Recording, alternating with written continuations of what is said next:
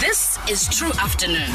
It's reported that SA wants to uh, regulate traditional healers. Um, would this not interfere with the sacredness of uh, the ritual? Ingaba ucinga uba uh, kulungile uba urhulumente angenelele uh, kumsebenzi wamagqirha ingaba uh, ayizokuphazamisa le ndlela ekwenziwa ngayo izinto eh kuba ke kaloku izinto zobugqirha zilawulwa lithongo eh nangumoya wedlozi is that not maybe going to be something that is going to affect the way that amagqirha are doing things kukhe kwakho iproblem phulaphuli nakuwe true yoba athi umntu owayegula wahamba waya kwigqirha lakhe mm. kwigqirha lakhe mm. wathi lakhe lathi lona ah no wathi azophangela waxebuya wathi ebekwi igqirha lakhe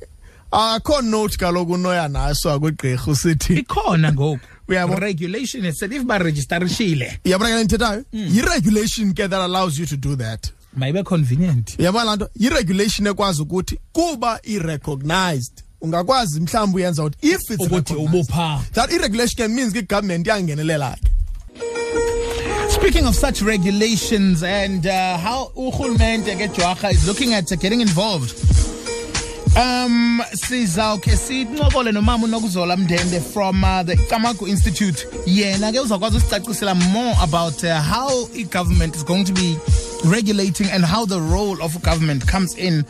when playing in this type of sphere i mean ingaba ucinga uh, ukuba urhulumente mphulaphuli eh, angenele kumsebenzi wamagqirha eh ingaba ayizokuphazamisa nendlela eh, ekwenziwa ngawo izinto kaloku izinto zobugqirha eh zilawulwa lithongo nangumoya wedlozi are you saying Uh, or are you saying that they do not need to be regulated? Kuba, sometimes they take people for a ride, or that they do need to be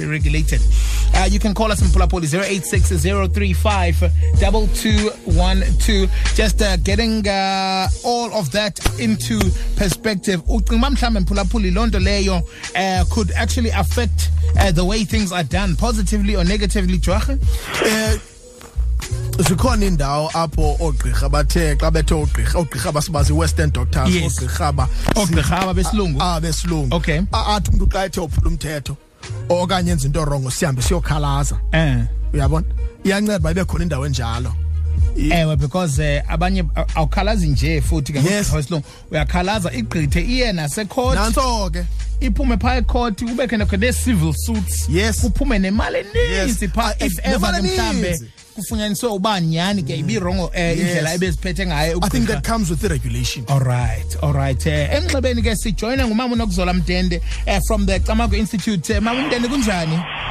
asecamago samsasazi sibulela ukamada nezihlwele kunjani ku siphilile nathi enkosi kakhulu mama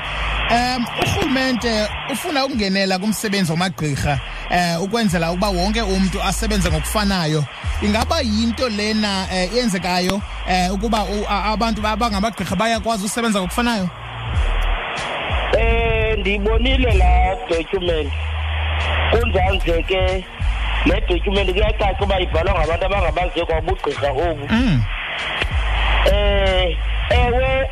bakhona oofly by night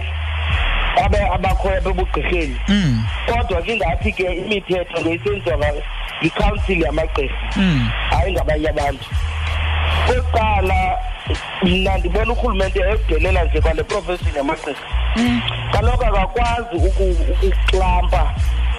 igqirha nexhele nengcibi nombelekisi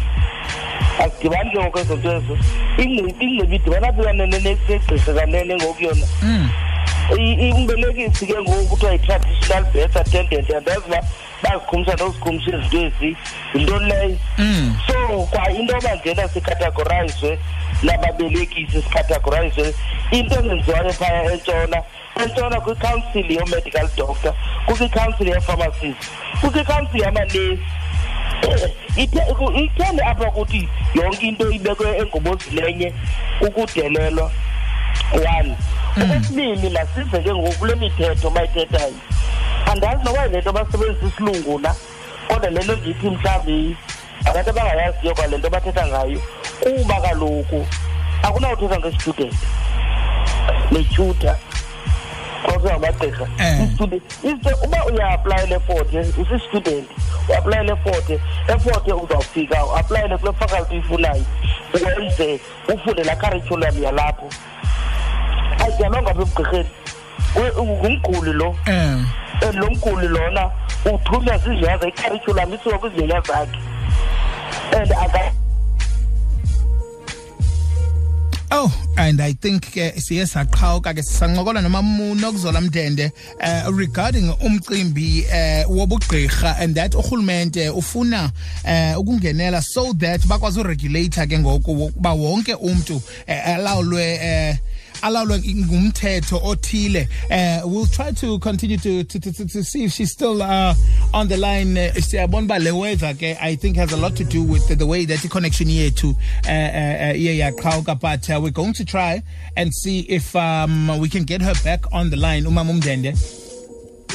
eh mamndende usakhona sizawukhabe simzama mamndende ukhona Eh uqhawuke xa kundana mntakababa. Em ndiqhawuke sesizogqitha size kumbuzo lo wesibini mama. Ndisithi mina enye yezinto eh, ezifuna ngurhulumente kukuba eh, umuntu oza kuba ligqirha ayofunda kwisikolo esisemthethweni ingaba yinto engasebenza leyo eh, kulo msebenzi unje okokuqala ukuba uyathwasa uyaboniswa igqirha ma uye kulo mm. yile besiyibuze ngoba le accreditation bazayenza kanjani kuba ke yona uza-accredita ethwasephi yena mm. kuba lokhu isinyanyasa kasizuba ngaphezu kwesisam and indawo yokuqala iphehlo which is an institution iphehlo lam lilapha kwam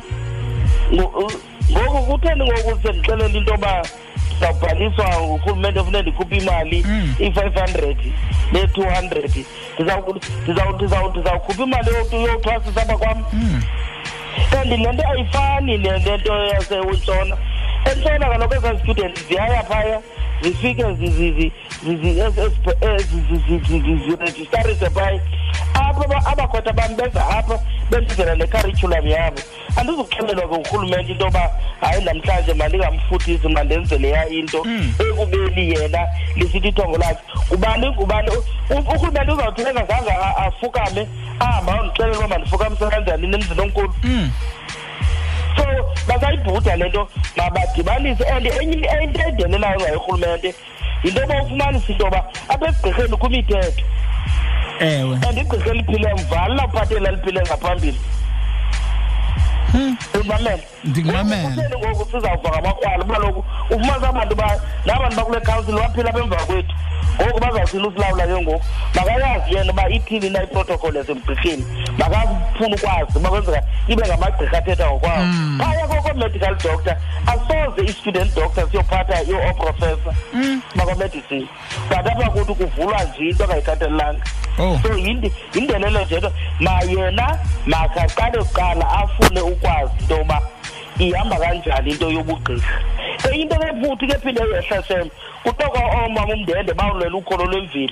but bakwakho abantu abathwasa gqitha bakuba besezikhundleni hmm.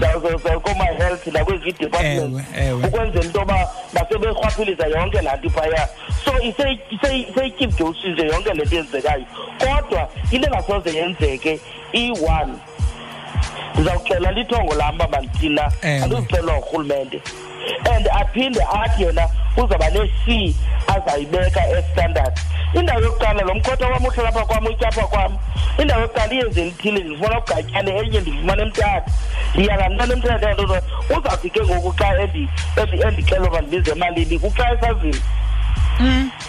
ngoku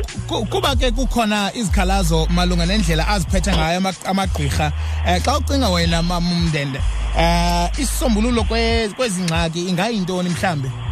ndithe makaze apha emagqirheni aza kumxelela uba yintoni na ubugqirha indakuqala sithoswa ngokufanayo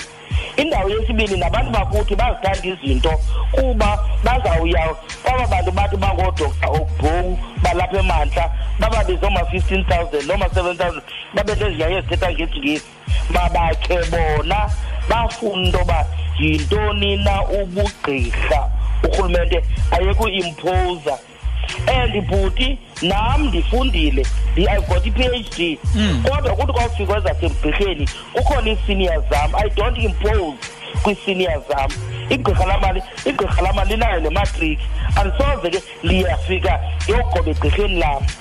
kuba ngani lona line-experience kunam kwizinto zasebugqirheni ngoku into engazikwenzeka ke yeyoba sidifayinwe ngaba zezi-academics ziphaya kwa-health eziza kuyidifayina impilo yethu from the western medical perspective so lilonke li mamumndende ucinga uba mhlawumbe um eh, urhulumente makaconsulte some more before le document ingaba mhlawumbe even close to being complete kuba ke ayizusebenza la document because it's incorrect Mm. It's ill-informed mm. la document leya ayizusebenza and it's imposed ebantwini ayizusebenza la document yiyo le nto sizibhalayo into yoba hayi ke okokuqala njena makakasisuse kwingcibi akho nto isidibanisa nengcibi thina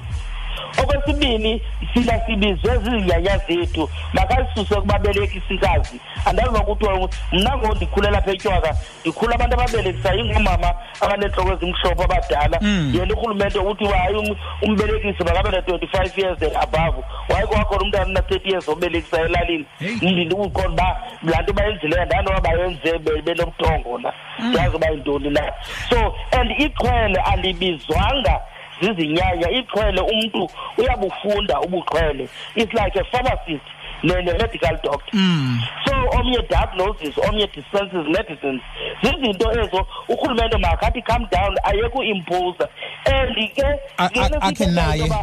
eh, makasazivula iijele zibe ninzi because kaloku akho kwamntu mna ongathwasanga ozazongena emrhawuleni wam afuna into yoba mandikuthwale kuthwale kuthwale okanye igqirha elizithwaleyo kwalapho kuye kobuyagaba emagqirheni kukho amagqirha akothongo limhlophe kokothongo olubomvu ewe ubani mna ndikuthongo limhlophe akothongo olubomvu nongena emrhalweni wama ndixelele wathi du mm.